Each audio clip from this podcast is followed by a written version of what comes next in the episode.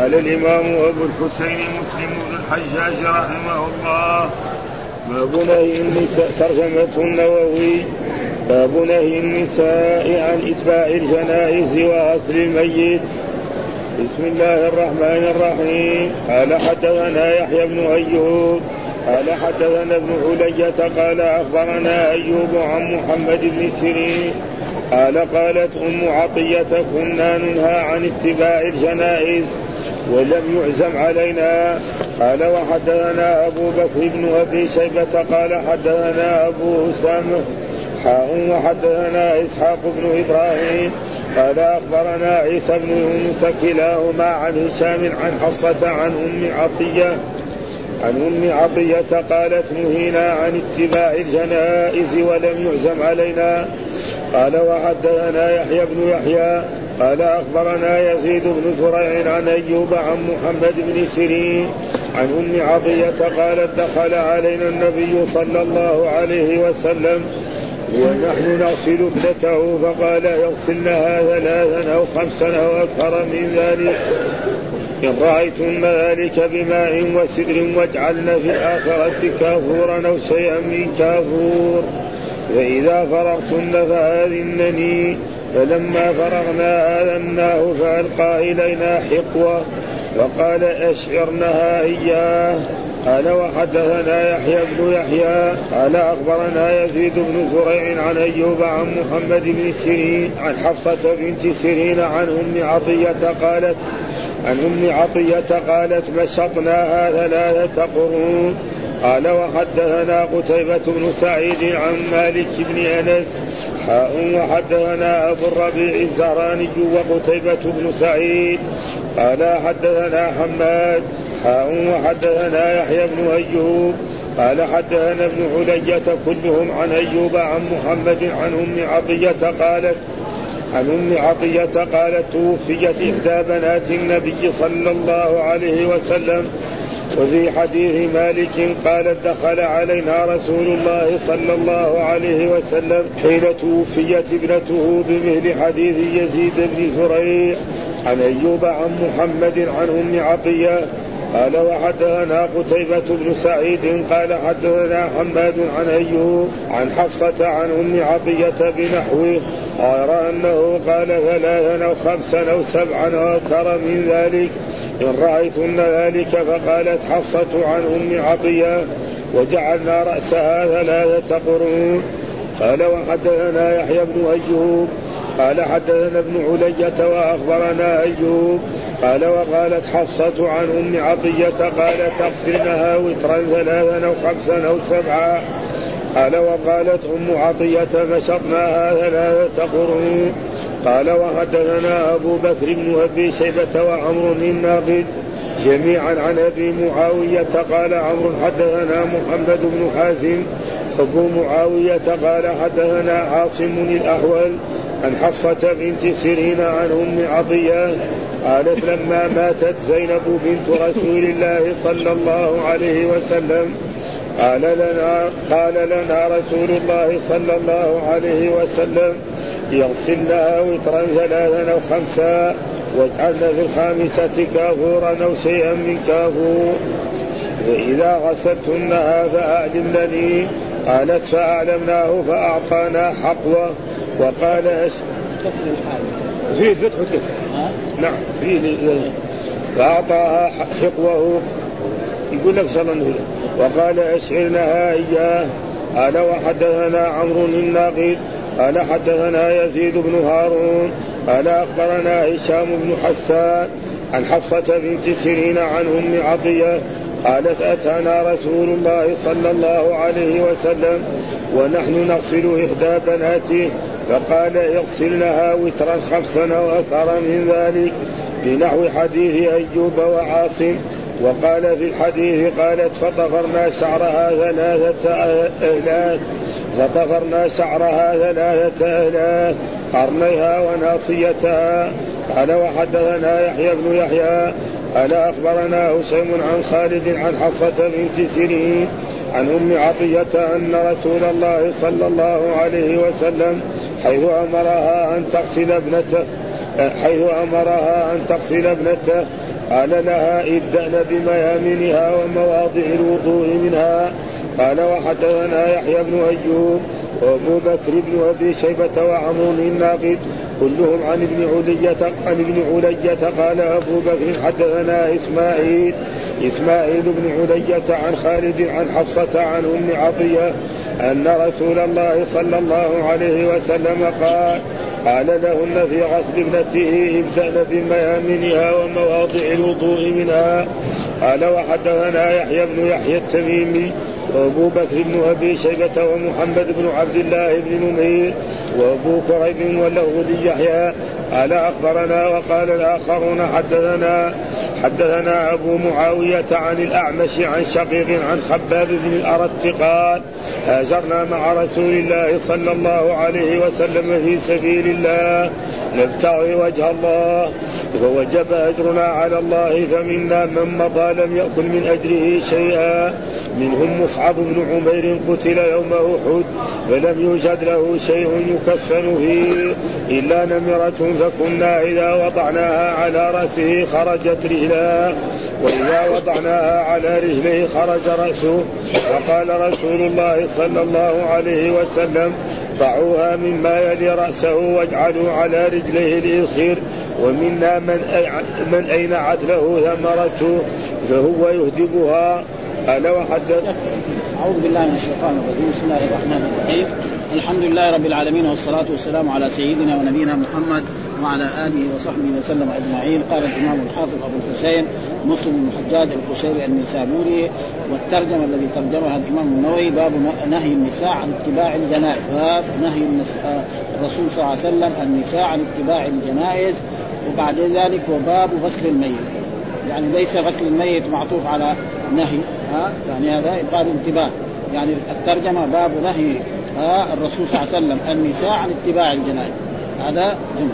بعدين وباب غسل الميت عشان إيه؟ يكون باب هذا باب مضاف وغسل إيه؟ مضاف إليه والميت مضاف إليه. هذا ف... يعني كأنه بيقول هذا باب نهي النساء عن اتباع الجنائز. هذه ترجمة. بعدين وباب نعم غسل الميت وهذا باب غسل الميت. ها؟ فليس معناه معطوف على فإذا هذا غسل هذا معطوف على إيه؟ باب. يعني ها؟ مضاف إلى باب. باب غسل الميت. يعني باب ترجمة لحال وترجمة لحال و وهذا النهي هل للتحريم أو للتنزيه؟ الذي يفهم من نص الحديث أن المرأة يعني منهية أن تتبع الجنائز فاذا مات الميت قريبا لها نعم هي لا تتبع الجنائز تذهب معه إلى المقابر نعم. فإذا كانت في المسجد أو في مكان صلي عليه فهي تصلي ما في شيء. لكن لا تتبع الجنائز. وهل هذا على وجه التحريم أو على وجه الكراهة؟ فيه خلاف بين العلماء.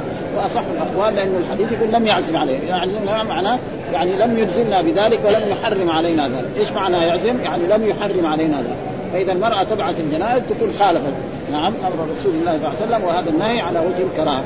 وكذلك باب غسل. ومعلوم أن يعني الميت إذا مات تتعلق به أربعة خمسة أشياء فروض كفاية. وهذه فروض الكفاية منها أول شيء نعم غسله. آه ثم بعد ذلك تكفينه ثم حمله ثم الصلاة عليه ثم دفنه. فرض كفاية. فإذا قام به البعض سقط عن البعض وإذا قالوا نحن ما لنا شغل المسلمين الذين علموا أن فلانا مات من المسلمين وقالوا لا شغل لنا به هؤلاء يأثمون. ها عليهم دم وإذا قام به هذا فهذا ثم ذكر بسم الله الرحمن الرحيم لأن هذا جزء جديد. فقال الإمام مسلم حدثنا يحيى بن أيوب حدثنا ابن علي أخبرنا أيوب عن محمد بن سيرين قال قالت أم عطية كنا ننهى عن اتباع الجنائز. ومعلوم مين الناهي؟ رسول الله صلى الله عليه وسلم الذي له الأمر والنهي. فالذي نهى رسول الله صلى الله عليه وسلم عن اتباع. فالمرأة لا تتبع الجنائز. فإذا مات الميت فلها أن تذهب وتعزي أهل الميت. هؤلاء جيرانا لها أو قريباء لها أو غير ذلك. ف وتقول عظم الله أجركم وأحسن عزاءكم وغفر لميتكم فهذا ولم يعفم علينا يعني لم يحرم علينا أن المرأة تتبع الجنائز فإذا تبعت وأصح الأخبار أنها لا تتبع. هذا ففهمنا من ذلك أن في نهي من رسول الله عن عن المرأة أو النساء يتبعن الجنائز. والجنائز زي ما قلنا يعني الجنازة هي الميت إذا كان في نعش الميت. ولم يعزم علينا يعني لم يحرم علينا ذلك. هذا الحديث هذا فيه الحديث الثاني وقال حدثنا أبو بكر بن أبي شيبة حدثنا أبو أسامة حول الإسناد أو حاء كله جائز وحدثنا إسحاق بن إبراهيم أخبرنا عيسى بن يونس كلاهما عن هشام عن حصه عن أم عطية. وحصه هذه بنت إيه؟ محمد بن سيرين عن أم عطية وهي من من الصحابيات. ها الذي أسلمنا قديما قال نهينا ومعلوم النهي معناه رسول الله صلى الله عليه وسلم. ها إيه؟ يعني نهى رسول الله صلى الله عليه وسلم النساء. وحذف الفاعل لأنه معروف وهذا موجود دائما الفاعل إذا كان معلوم يختلف وخلق الإنسان ضعيفا. مين اللي خلق الإنسان؟ أمر سواء وحذف الفاعل هذا قد تارة يكون للعلم به وتارة يكون للجهل به وتارة لأغراض وقال نهينا. من الناهي؟ رسول الله صلى الله عليه وسلم. وحذف الهاء عن اتباع الجنائز. مين هو؟ النساء وأما الرجال فيسلم من يتبع الجنائز ويصلوا على الجنازة. وجاء في أحاديث كثيرة عن رسول الله صلى الله عليه وسلم. في هذا الباب أن من تبع الجنازة من دارها حتى يصلى عليها له قيراط. ومن تبع حتى تدفن كان له قيراطان. والقيراط مثل جبل أحد. والناس يفرطوا في هذا. مسلم يصلي في المسجد يصلي على الجنازة قاعد لو اعطوا 10 ريال يمكن يصلي. ها؟ ها؟ يعني خسارة يعني. صدقت في ذلك. خسارة يعني. صدقت في ذلك. ولم يعزم علينا معناه لم يحرم علينا ذلك فالمرأة إذا تبع الجنازة وأصح والنهي تارة يكون للكراهة وتارة يكون آلة. قال معناه نهانا رسول الله صلى الله عليه وسلم عن ذلك نهي كراهة تنزيه لا نهي عزيمة تحريم ومذهب أصحابنا أنه مكروه وليس بحرام بهذا الحديث. وقال القاضي قال جمهور العلماء بمنعهن من اتباعه وأجازه علماء المدينة وأجازه مالك وكرهه للشابة. قوله صلى الله عليه وسلم. ثم ذكر في إيه؟ في غسل الميت، أتى بايه؟ غسل النساء أول وقال حدثنا يحيى بن يحيى قال أخبرنا يزيد بن زريع عن أيوب عن محمد بن سيرين عن أم عطية قالت دخل علينا النبي صلى الله عليه وسلم ونحن نغسل ابنتها فقال اغسلنها ثلاثا أو خمسا أو أكثر من ذلك إن رأيتن ذلك بماء وسدر واجعلن في الاخيره كافورا أو شيئا من كافور فإذا فرغتن فآذنني فلما فرغنا آذناه فألقى الينا حقوهم. أو حقوه فقال أشعرنها إياه. فهذا الحديث يبين إيه؟ في غسل المرأة. أن المرأة كذلك يغسلها النساء. وإذا أراد زوجها أن يغسلها فذلك جائز. وبعض الناس يقولوا لا. ها؟ والصحيح أنه جائز. وقد قال ذلك سيأتي في أحاديث عن رسول الله. عائشة قالت يعني لو علمنا ذلك لكان ما تولى غسل رسول الله صلى الله عليه وسلم إلا نساؤه. وكذلك أبو بكر الصديق رضي الله تعالى عنه غسلته زوجته. ها فجائز المرأة تغسله الماء والرجل يغسل زوجته. وأما يعني المحارم الآخرين فالرجال لا يغسلون نعم وكذلك فاطمة هذا ما في شيء. يقول هنا ولكن بعض الناس خصوصا العوام والناس هذا يقول ابدا خلاص إذا إذا ماتت ما له علاقة بما يغسلها ولا يشوف هذا ليس بصحيح. فيقول هنا عن أيوب عن محمد بن سيرين عن أم عطية. وهي من الصحابيات قال دخل علينا النبي صلى الله عليه وسلم ونحن نغسل ابنته. هذه الابنة ما بينا في هذه الرواية لكن جاء في رواية أخرى أنها زينب ها؟ زينب بنت رسول الله صلى الله عليه وسلم وزوجها أبو العاص. وكثير ما بيمر أن الرسول مرة مرات حمل امامه بنت زينب وكان إذا حملها قام للصلاة يضع على كتفه وإذا أراد يسجد أو يركع أنزلها حتى انتهى من الصلاة فقال ابنته. ما بين لكن سيأتي رواية في نص في نص صحيح مسلم أنها زينب. فإذا هي زينب وبعضهم قال أنها أم كلثوم. وقد يمكن أنه كذلك وهؤلاء كلها يغسلن فقال اغسلنها وهنا النون نون النسوة. ها النون هنا يغسلنها فيغسلن فعل أمر مبني على السكون اتصال بدون النسوة والهاء مفعول به وثلاثا ها؟ ثلاثا أو خمسا يعني يسن ان أن يغسل الميت وترا. وإلا الواجب هو إيه؟ مرة واحدة. بشرط أن تنقى ها؟ ينقى الجسم تماما. وإذا كانت مثلا غسلنا ثلاثا وما نقيت يزيدها أربعة أو خمسه ها؟ غسل إيه؟ خمسه وبرضه ما نظفت تمام ما صار هذا يزيدها خليها سبعة. وهكذا. ها؟ يعني يعني هذا يفهم من هذا الحديث أن أن الميت يغسل كم؟ وترا. ها؟ كما أن الرسول صلى الله عليه وسلم سن لنا في الوضوء. ها؟ نغسل كم؟ ثلاث مرات. ها؟ اليدين والمضمضه والاستنشاق وغسل الوجه وغسل اليدين. ها؟ ومن ذلك إن رأيتن. وبرضه إن رأيتن هنا النون نون النسوه ها؟ ها؟ يعني إيه؟ لأنه الذي يغسلن الميت لابد ما يكون واحد. ما يمكن لأن واحد إيه؟ يحمل يرفع الميت ثم يصب عليه الماء والثاني نعم يدرك فقد تكون إيه؟ امرأتين وقد تكون وكذلك الرجال. بماء وسدر ماء يعني طهور وسدر والسدر معروف. ها؟ الذي يعني شجر النبي قال واجعلنا في الاخيره كافورا. والكافور هذا كثير طيب. ويبس الجسد. يعني لو كان غسلنا الميت وجعلنا فيه الكافور وخليناه ساعة أو ساعتين أو أربع ساعات أو عشر ساعات ما يجرى بشيء. ها؟ يعني يرطب الجسم أو شيئا من كافور. فإذا فرغتن برضو يعني فإذا فرغتن انتهيت من إيه؟ من غسل ابنتي هذه فآذنني. يعني فأعلمنني، إيش معنى آذنني؟ اعلمني يعني أعلم الرسول أن أم عطية تأتي إلى رسول الله صلى الله عليه وسلم وتقول نحن قد غسلنا ابنتك خمسا أو ثلاثا. فلما فعلنا ذلك أعطاهم حقوة والحقوة هو يعني الإزار الذي يباشر الجسد. ها؟ يعني الذي يكون إيه؟ اسفل ما يكون بعدين الكفن ومعلوم أن سيأتي في الكفن أن المرأة تكفن بخمسه اثواب والرجل يكفن بكم؟ بثلاث. ها؟ وإذا كفن بواحد جائز. ها؟ فإذا فرغتن فآذن. برضه النون هو للنساء لأنه جمع نساء فاذنني فلما فرغنا اذناه يعني اعلمناه إننا انتهينا من ذلك. فألقى إلينا حقوه أو حقوه كله يعني جائز. ها؟ فقال أشعرنها إياه. يعني اجعلنها شعار. يعني لملاصق لجسدها وهذا فيه بركة. ها؟ فإذا هذا يعني يكون هذا يمكن يقيها من عذاب لأنه حق رسول الله صلى الله عليه وسلم لا يصيبه النار ولا يصيبه هذا وهذا يعني كثير من يعني من العلماء يقول هذا التبرك بآثار الصالحين ونحن حقيقة ما على معلوماتنا البسيطة ما رأينا أن الصحابة كان يتبرك بعضهم ببعض بإيه؟ بثياب بعض أو بهذا، نعم التبرك بآثار رسول الله صلى الله عليه وسلم هذا ثابت. ها الرسول صلى الله عليه وسلم في غزوة الحديبية كان إذا تنخم نخامة اراد يرميها في التراب دغري يأخذها من الصحابة ويمسح بها وجههم وأيديهم. والوضوء. ها؟ والوضوء كذلك. يعني كذا رأوا. وكذلك إيش رأوا الصحابة؟ لما شاء قريش رأوا هذا. قالوا هذا إيه؟ معناه انه إيه؟ معناه إن ما حد يصل إلى محمد هذا حتى يموت ال 1400 لأنه ما ما مخاط الانسان يعني قرف. ايا كان. الأمير إذا تنخت قرف. إنما واحد دجال يبغى يأكل منه مصالح دنيوية يمكن يتمسح بها. قرف. ها فالصحابة كانوا يفعلوا كذا. وهذا عشان يعلموا قريش أنكم لن تصلوا إلى محمد صلى الله عليه وسلم ابدا حتى هذول ال 1400 كلهم يسيروا في الأرض بعد ذلك. ها فتعجبوا هم ذلك من هذا. فهذا ولكن نائب النووي وغير ذلك يقول تبرك لأنه بعدين يصير مشايخ كمان يتبرك بهم. فهذا شوية يعني بس نحن حبينا نجد واحد حديث. أن مثلا رجل من التابعين تبرك بآثار أبي بكر. لو حصلنا هذا كان خلاص. بس واحد من اخواننا من طلبة العلم إذا وجد هذا يصير نحن نرجع عن ذلك ويصير تبرك بآثار الصالحين. حديث لو التمستم البركة من حجري هذا حديث خربان لا لا حديث حديث. خربان لو شفت أنت؟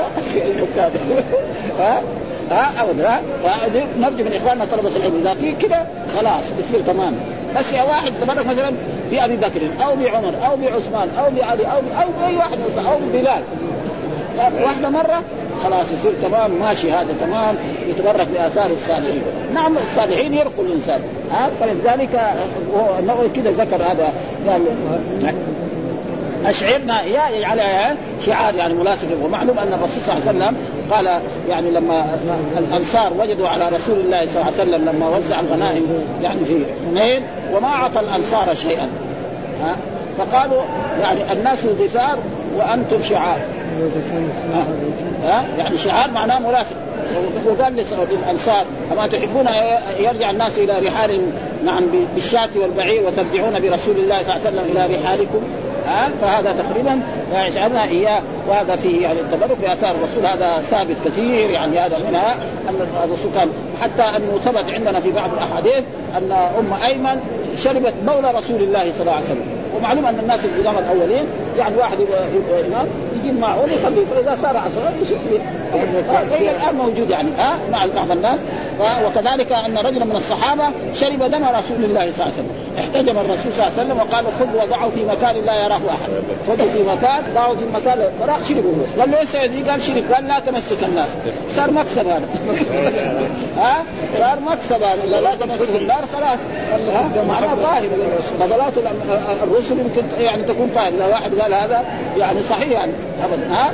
بس هذا تقريبا قال أشعرنها إياه. وفهم من ذلك أن المرأة إذا ماتت يعني تغسل وترا إما ثلاثا أو خمسا أو سبعا أو تسعا نعم ثم بعد ذلك تكفن إن رأيت ويجعل في الماء هذا سدر وكافور. والكافور يعني زي الطيبة ها؟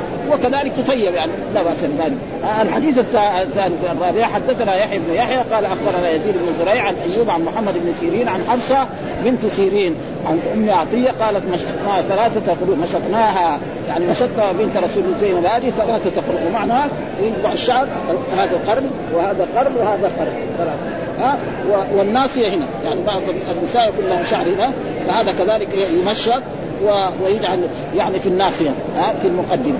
فهذا من السنة لإيه؟ وأما الرجل لا. فإذا له اظفار تخص ها وشعره يترك كما هو. لا لا يزاد ولا يفعل به هذا. في المرء يعني ينضفر إيه ينضفر النووي قال ينضفروه إيه. يدخلوا هذا. مشطناها ثلاثة قرون. ها قرون يعني قرن كذا وقرن كذا وقرن في الوسط. وقال فيه فيه دليل على استحباب السدر في غسل الميت وهو متفق على استحباب ويكون في المرأة في المرة الواجبة وقيل يجوز فيهما. وقوله صلى الله عليه وسلم واجعلنا في الأخيرة كافورا أو شيئا من كافور يعني في استحباب شيء من الكافور في الأخيرة وهو متفق عليه. وبه قال مالك وأحمد وجمهور العلماء. وقال أبو حنيفة لا يستحب وحجة الجمهور هذا الحديث. إذا قال الرسول خلاص.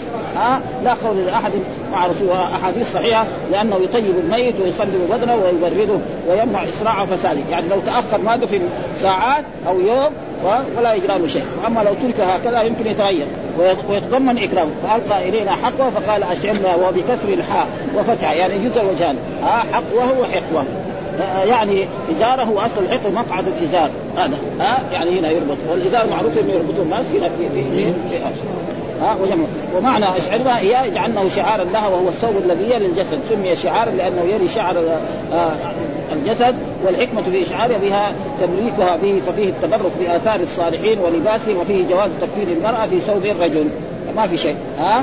ثم ذكر قال كذلك حدثنا قتيبة بن سعيد عن مالك بن أنس حول الإسناد وقال حدثنا أبو الربيع الزهراني وقتيبة بن سعيد قال حدثنا حماد وقال حدثنا يحيى بن أيوب قال حدثنا ابن علي يقول إليه كلهم عن أيوب عن محمد ومحمد بن سيرين عن أم عطية قالت توفيت إحدى بنات النبي صلى الله عليه وسلم. والصحيح أنها زينب. وبعضهم يقول أنها أم كلثوم وكلهن يعني يعني هذا. في وفي حديث ابن علي قالت أتانا رسول الله صلى الله عليه وسلم ونحن نغسل ابنته.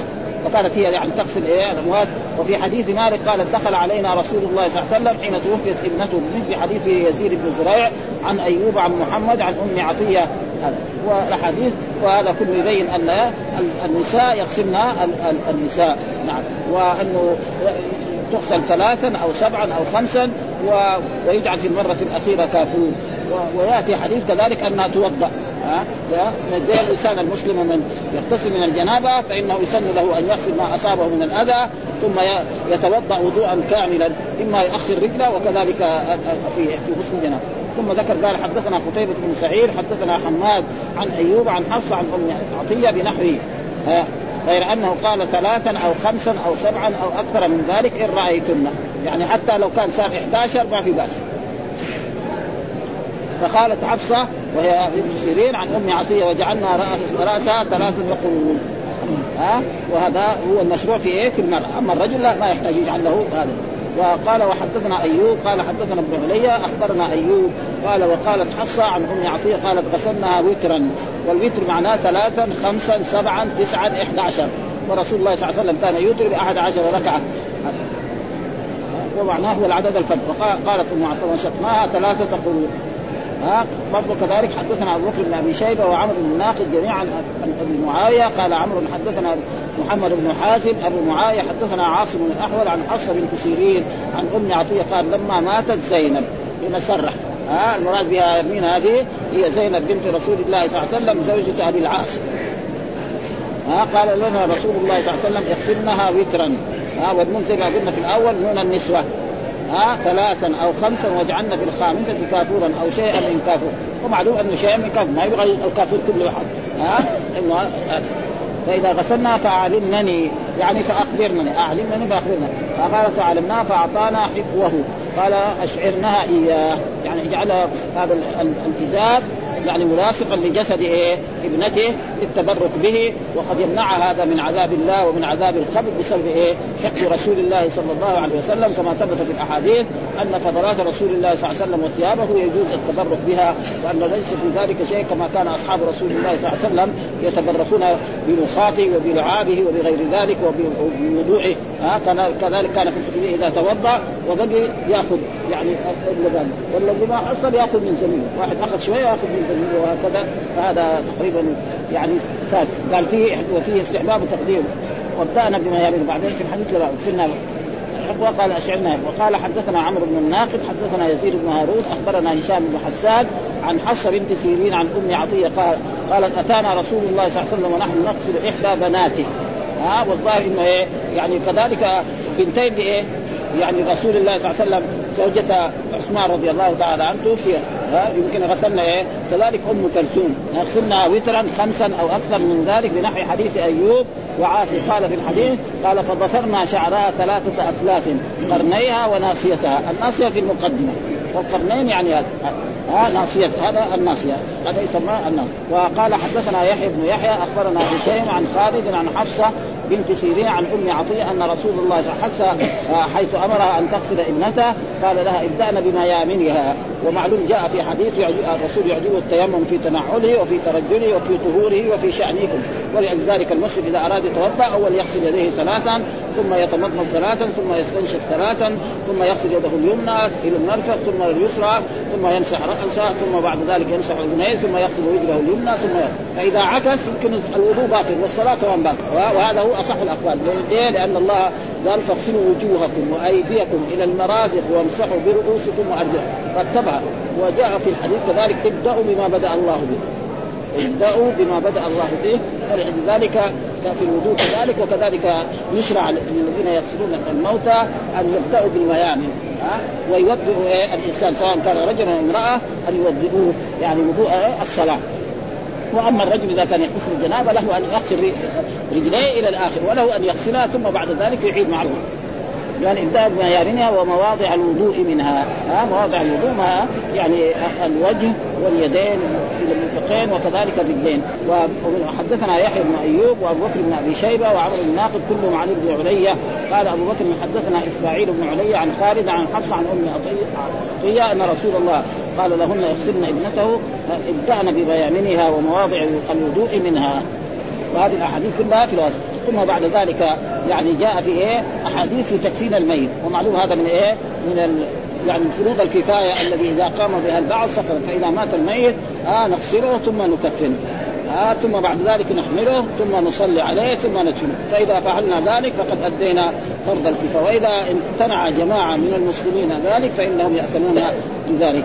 آه إيش الدليل؟ قال حدثنا يحيى بن يحيى التيمي وأبو بكر بن أبي شيبة ومحمد بن عبد الله بن نمير وأبو كريب واللفظ ليحيى. قال يحيى أخبرنا وقال الآخرون حدثنا ولا فرق بين أخبرنا وحدثنا لكن كل شيخ يروي ما قاله شيخه بدون أن يزيد كلمة أو ألف. والا لا فرق بين أخبرنا وحدثنا. ها؟ حدثنا أبو معاوية عن الأعمش عن شقيق عن خباب ابن الارت وخباب بن الارت هذا من أصحاب رسول الله صلى الله عليه وسلم الذين هاجروا ولقوا الاذى من كفار قريش. قال هاجرنا مع رسول الله صلى الله عليه وسلم في سبيل الله نبتغي وجه الله. ها هاجر من مكة إلى المدينة يبتغي بها وجه الله. فوجب أجرنا على الله.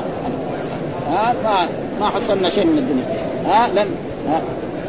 ومنا من مضى لم يأكل من أجره شيئا.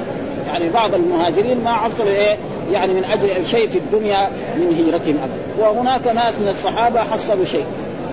فمثلا يعني ها يقول مصعب بن عمير هذا قتل يوم أحد فلم يوجد له شيء يكفر. الذي ما يوجد له شيء يكفر معناه عنده فلوس؟ ما عنده ريال ولا خمسة ريال ولا عشرة ولا مية ولا مليون ولا شيء. ها كفن ما عنده. ولا في واحد ابنه ولا أخوه يشتري له ها فمعناه إنه فقير تماما يعني.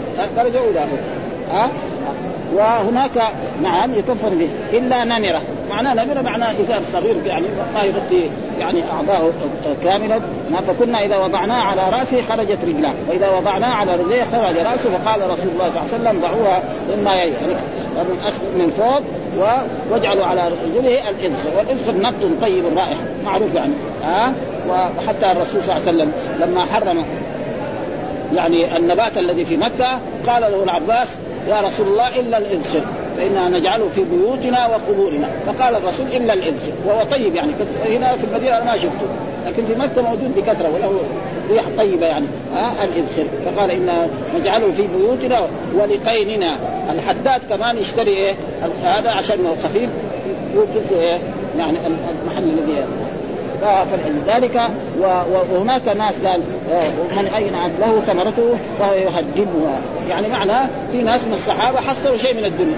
مثلا لما نيجي ننظر إلى أصحاب رسول الله صلى الله عليه وسلم الذين هاجروا كبلال وكصهيب يعني أبو هريرة. آه أبو هريرة هذا ما هاجر يعني هاجر من بلده وجاء وجد الرسول في المدينة. فبعض الصحابة رضوان الله تعالى عليهم بعد ذلك أصبحوا امراء حاكم. ها آه يعني حاكم معناه يعني عنده مصالح وعنده شيء من الدنيا وتجد بلكن زوجته عندها شيء من حلي الذهب وناس ما عندهم شيء. ها؟ يهدبها وكان الواحد منهم يعني لما هاجر المدينة يشتغل طول النهار. يعني يروح إيه؟ في بستان يسقي الزرع. يعطي له في آخر النهار ربع صاع من البر. مو من الشعير. ما في بر في المدينة. ها؟ بر لا يوجد في المدينة إلا بعد ما فتحت الشام وإلا كان شعير يعني.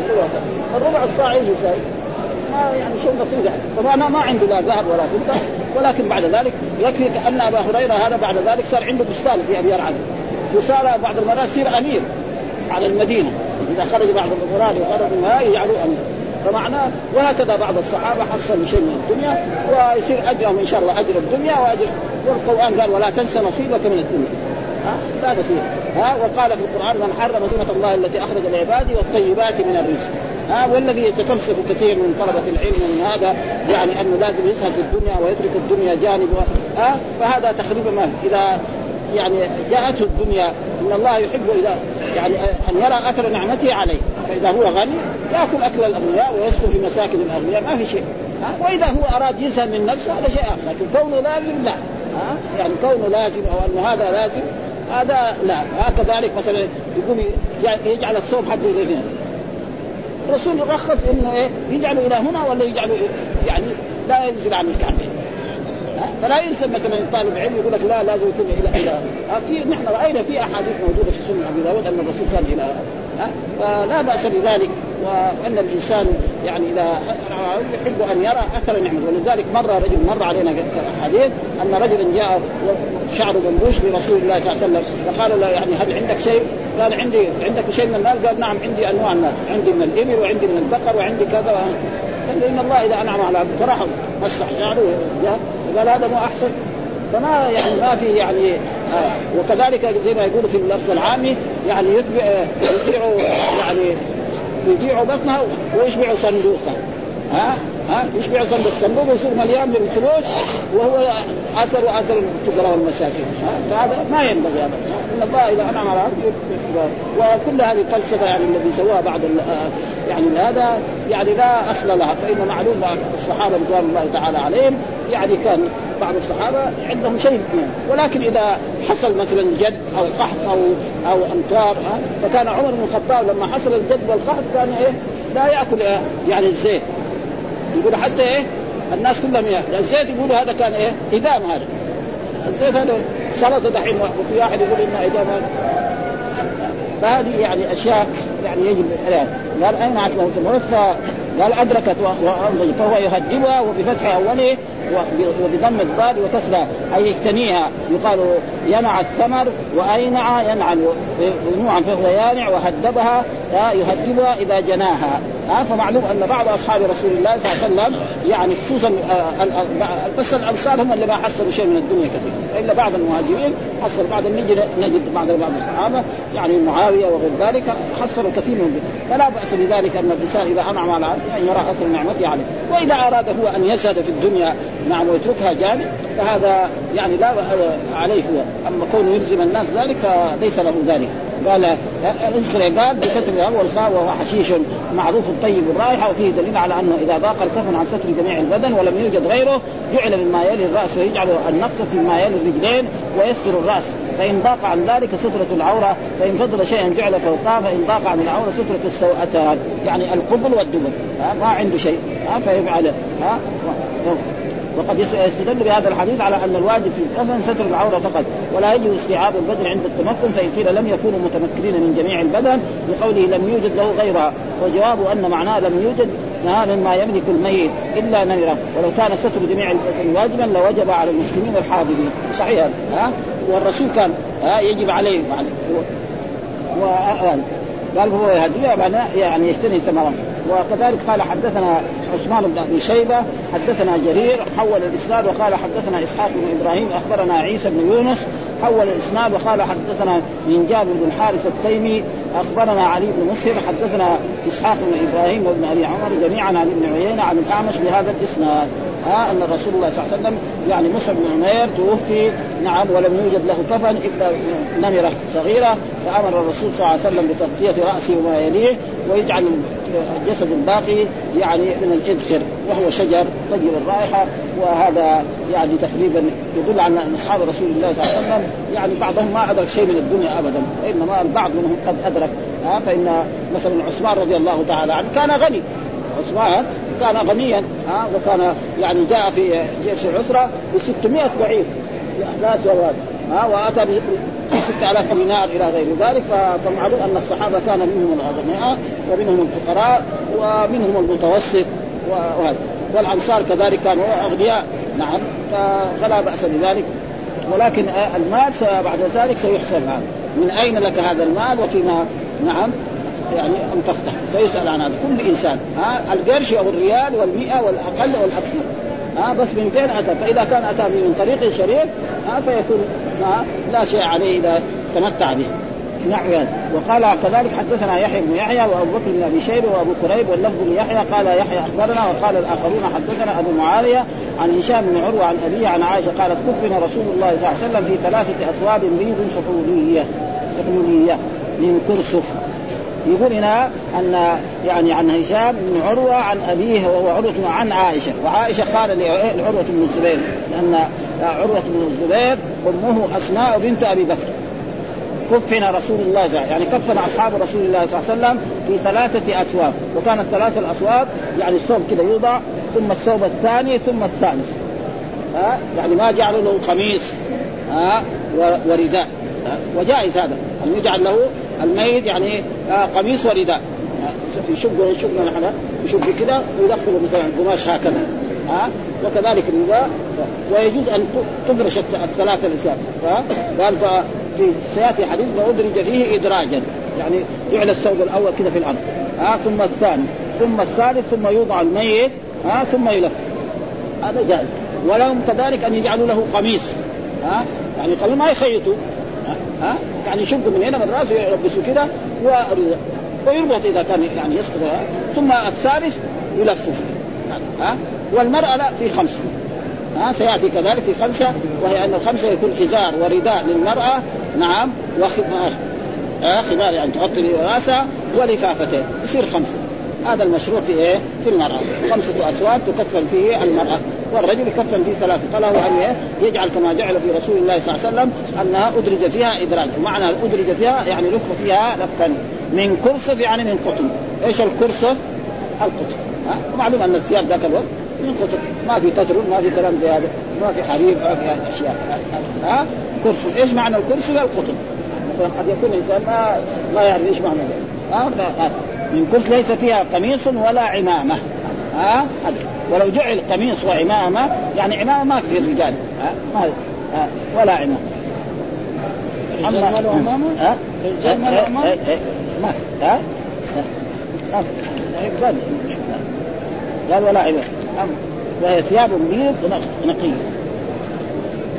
الصعوب يصير وضمها الفتح عشر وهي رواية قال ابن اعرابي وغيره هي ثياب بيض نقيه لا تكون إلا من قطن قال ابن قتيبة ثياب بيض ولم يخصها بالقطن. وقال آخرون هي منسوبة إلى سحلول وهي قرية باليمن. معلوم ذاك الوقت يعني النسيج في اليمن أكثر من إيه؟ من الحجاز ها تعمل. قال الأزهري السحلول بفتح بالفتح منسوبة إلى سحول مدينة باليمن يحمل منها هذه الثياب. وبالضم ثياب بيض. وقيل إن القرية أيضا بالضم. السحولية ها؟ وحكى ابن الأثير في النهاية. وفي هذا الحديث وحديث مصعب بن عمير السابق وغيرهما وجوب تكفين الميت وهو إجماع المسلمين ويجب في ماله فإن لم يكن له مال فعلى من عليه نفقته. فإن لم يكن في بيت المال ها؟ فإن لم يكن ففي بيت المال. فإن لم يكن وجب على المسلمين. يوزعه الإمام على أهل اليسار. وعلى من يراه. فيه أن السنة في الكفن ثلاثة أثواب للرجل وهو مذهبنا ومذهب الجماهير والواجب ثوب واحد كما سبق. والمستحب في المرأة خمسة أثواب ويجوز أن يكفر الرجل في خمسة لكن المستحب. فإذا كفر الرجل في يعني جائز لكن في الحديث ما في هذا. ها؟ ألا يتجاوز الثلاث. أما الزيادة على خمس فاشراف فإسراف في حق الرجل والمرأة وقوله بيض دليل على استحباب التكفين في الأبيض وهو مجمع عليه. وفي الحديث الصحيح الثياب البيض وكفنوا فيها موتاكم ويكره المصبغات ونحوها من ثياب الزينة. وأما الحرير فقال أصحابنا يحرم تكفين الرجل فيه ويجوز تكفين المرأة فيه مع الكراهة. وكره مالك وعامة العلماء التكفين في الحرير مطلقا. قال ابن المنذر لا احفظ لا أحفظ خلافه وقوله ليس فيها قميص ولا عمامة معناه لم يكفن في قميص ولا عمامة وإنما كفن في ثلاثة أثواب غيرهما ولم يكفن مع الثلاثة شيء. آخر. هكذا فسره الشافعي وجمهور العلماء وهو الصواب الذي يقتضيه ظاهر الحديث. قال ويستحب أن لا يكون في الكفن قميص ولا عمامة. قال مالك وأبو حنيفة يستحب قميص وعمامة. ها؟ يقول هذا. وتأول الحديث على أن معناه ليس القميص والعمامة من جملة الثلاثة وإنما هو زائد. وهذا تفسير بالعافية. يعني ما ها؟ ما هو يعني لأنه الصحابي يبين الشيء اللي يقول. فيجي يقول لك لا ثلاثة اثواب غير إيه؟ العمامة. يعني يعني رد الآية. قال أبو حنيفة يستحب قميص وعمام وتأول معناه ليس القميص والعمام من جملة الثلاثة وإنما هما زائدان وهذا ضعيف فلم يثبت أنه صلى الله عليه وسلم كفن في قميص وعمام وهذا الحديث يتضمن أن القميص الذي غسل فيه النبي صلى الله عليه وسلم نزع عنه عند تكفينه وهذا هو الصواب الذي لا يتجه غيره لأنه لو بقي مع رطوبة لافسد الأكفان. لازم وأما الحديث الذي في سنن أبي داود عن ابن عباس رضي الله عنه النبي صلى الله عليه وسلم كفن في ثلاثة اثواب الحلة ثوبان وقميصه الذي توفي فيه فهو حديث ضعيف لا يصح الاحتجاج لأن يزيد بن أبي زياد. أحد رواته مجمع على ضعفه. وهو موجود ومعلوم ان أن سنن أبي داود ذكر يعني لما ألف كتابه هذا أن هذا الحديث كل حديث يذكره أبو داود في سننه فهو حديث يحتج به. إلا أحاديث ذكرها هو. أربع أحاديث هذه ما يحتج بها وهي إيه يعني منها ان أن الذي يشرب الخمر في الرابع اقتلوه. يقول هذا ما أخذ به أهل العلم. وفي كذا أحاديث أشار عليها ولعلنا يعني نقرأه. إنه كتاب عظيم وكان يعني مر علينا قرأنا النسائي وهو كذلك يعني يقول من كان في بيته يعني سنن أبي داود فكأنما في بيته نبي ينطق. بهذه العبارة. من العلماء المتقدمين ذكروا هذا. ها من كرسف والقطن فيه دليل على استخدام كفن القطن. فإنما شبه شبه على الناس فيها أنها أنها اشتريت له ليكفن فيها. ها فتركت الحلة وكفن في ثلاث يعني سمع أن الرسول صلى الله عليه وسلم قبل وفاته اشترى حلة، إيش الحلة؟ الحلة في اللغة العربية الإزار والرداء. هذا معناه يعني واحد يقول أعطاني الأمير حلة ولا اشتريت حلة من السوق معناه اشترى ازارا ورداء. هذا معروف في الأرض العرب يمكن دحين إذا تغير هذا شيء. اخر ها فترك وكفن في ثلاثة أثواب بيض شهية فأخذ عبد الله بن أبي بكر فقال ها لأحبسنها حتى أكفن فيها. يعني أخذ الحلة هذه وقال إيه؟ وهو عبد الله بن أبي بكر الصديق. لأحبسنها يعني لأرفعها أحبسنها معناه أمنع أحد يأخذها حتى أكفن فيها أكفن فيها أكفر فيها نفسي. ثم قال لو رضيها الله عز وجل الذي لكفنه فيها. فباعها وتصدق بثمنها هو اراد يكفن قال لو كانت هي طيب كان الرسول كفن فيها. اذا كفن الرسول في ثلاثة أثواب أنا اكفن في في ها؟ هذا صحيح. مخالف يعني لهدي رسول الله صلى الله عليه وسلم وتصدق بثمنه. يعني ما راح أخذ الثمن لأنه يعني وقفه خلاص أو جعلها صدقة. وحدثنا علي بن حجر السعدي أخبرنا علي بن مسر حدثنا هشام بن عروة عن ابي عن عائشة قالت أدرج رسول الله صلى الله عليه وسلم في حلة يمنية. هذا هو في حله ادرج معناه لفة. يعني كذا يلف كذا بعضه على بعض. هذا معنى ادرج في حلة كانت أنه سمع جابر بن عبد الله يحدث أن النبي صلى الله عليه وسلم خطب يوما فذكر رجلا من أصحابه قبض فكفن في كفن غير طائل وقبر ليلا فزجر النبي صلى الله عليه وسلم أن يقبر الرجل بالليل حتى يصلى عليه إلا أن يضطر إنسان إلى ذلك.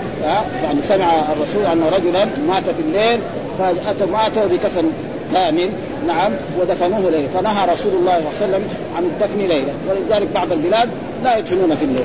وهم فهموا هذا غلط.